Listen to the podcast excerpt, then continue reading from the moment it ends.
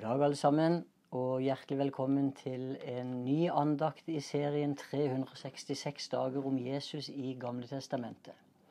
Vi har et vers i dag som er henta fra første Mosebok, kapittel 28 og vers 12. Da hadde han en drøm. Se, en stige var reist på jorden, og den nådde til himmelen. Og se, Guds engler gikk opp og ned på den. Tittelen i dag er 'Stigen til himmelen'. Jakob hadde lurt sin bror Esau, og derfor så måtte han flykte fra det landet han bodde i. Den første natta han var på reise, så hadde han en drøm. Og Jakob fikk altså se en stige som gikk fra jorda og opp til himmelen. Og hvis vi skulle spørre hva slags stige var det egentlig Jakob fikk se i denne drømmen, hvis vi tenker inn i denne tiden? Det kan godt tenkes at Jakob kjente til de tårnene som de hadde bygd i Mesopotamia, det stedet bestefaren hans Abraham kom fra. Det var jo der han var født. Eh, disse byggverkene som var, hadde sånn stigelignende formasjon, de så ut som en sånn bryllupskake som vi har i dag, i et uendelig antall etasjer som gikk oppover. Og så var det steintrapper da, mellom hver av disse som, som leda opp til himmelen. Arkeologer de forteller at trinnene de var for høye for menneskene. For de var nemlig designa for gudene. De var ikke designa for at menneskene skulle komme opp, men for at gudene skulle komme ned. Og på toppen av konstruksjonen så var det ofte sånn at eh, det var eh, alter der. Og så i bunnen var det ofte et tempel. Alteret på toppen det representerte liksom da Guds hellige bolig. Og så kunne han da bruke trappene for å stige ned til tempelet i bunnen. Jakobs drøm det har også en klar parallell til den historien vi kjenner til om Babels tårn. Nå kan jo ikke vi vite med sikkerhet om Babels tårn hadde en sånn form som jeg beskrev her i stad. Men vi vet at tårnbyggerne i Babel de planla å bygge et tårn som skulle gå fra jorda og helt opp til himmelen. Og de samme ordene de brukes der, som brukes der, brukes for å beskrive stigen i Jakobs drøm. Men menneskenes tårn kunne ikke nå opp til himmelen. Sånn som de første russiske kosmonautene. De nådde heller ikke himmelen da de rapporterte at Gud ikke var der. Men Gud steg ned til tårnbyggerne i Babel, ikke for å velsigne arbeidet deres, men for å dømme jorda, for å oppløse menneskenes stolte enhet, for å hindre at de skulle lage et sånt byggverk. For den enheten som var i menneskeslekten, den var i ferd med å binde menneskene fast i et totalt mørke, og derfor måtte Gud gripe inn.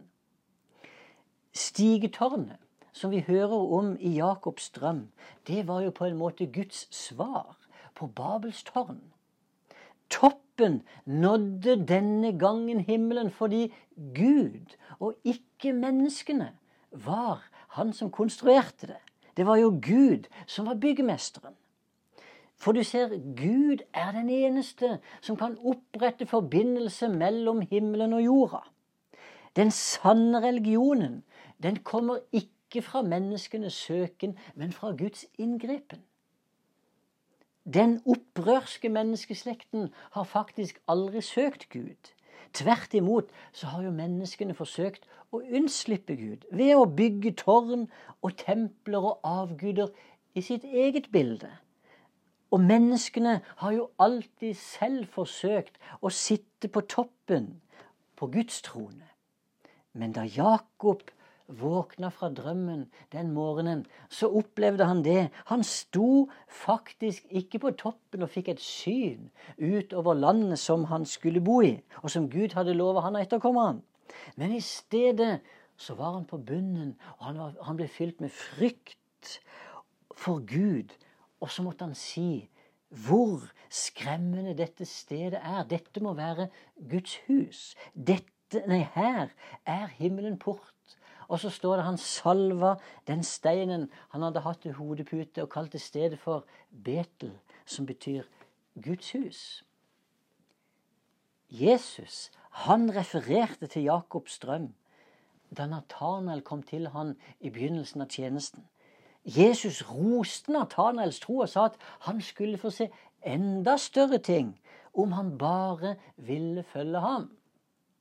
Jesus sa, 'Sannelig, sannelig, jeg sier dere, dere skal se himmelen åpnet, og Guds engler gå opp og gå ned over menneskesønnen.' Hvilket løfte! Jesus han lovte altså en åpenbaring som skulle gå langt utover Jakobs drøm. Trappen i Jakobs drøm, det var jo et bilde på den kommunikasjonen og den forbindelsen som Gud har oppretta mellom himmelen og jorda. Men det som Jakob fikk se, og som, virkelig, som, som han fikk se i, i, i, sin drøm, det ble jo virkelighet først da Gud selv ble menneske.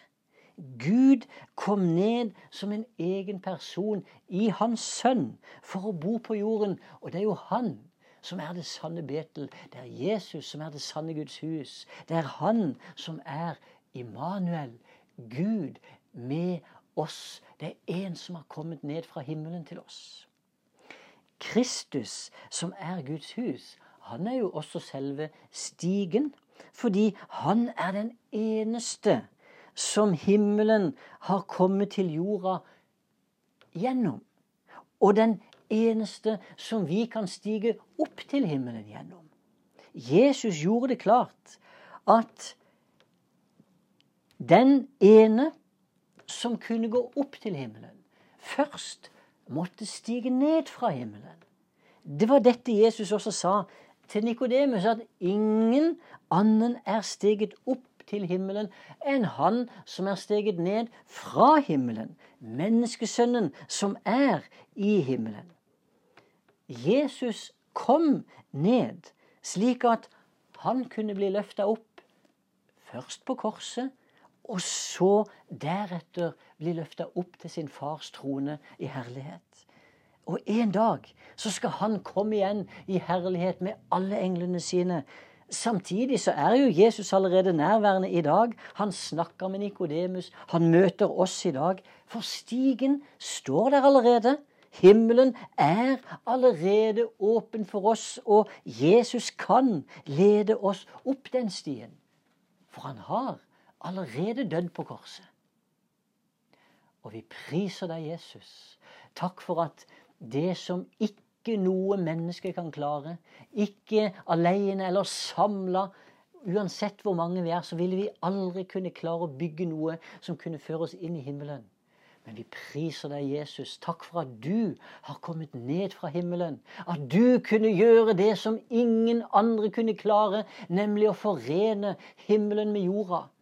Og vi priser deg for at det som Jakob fikk se i drømmen, det ser vi realisert midt inn i vår tid i dag.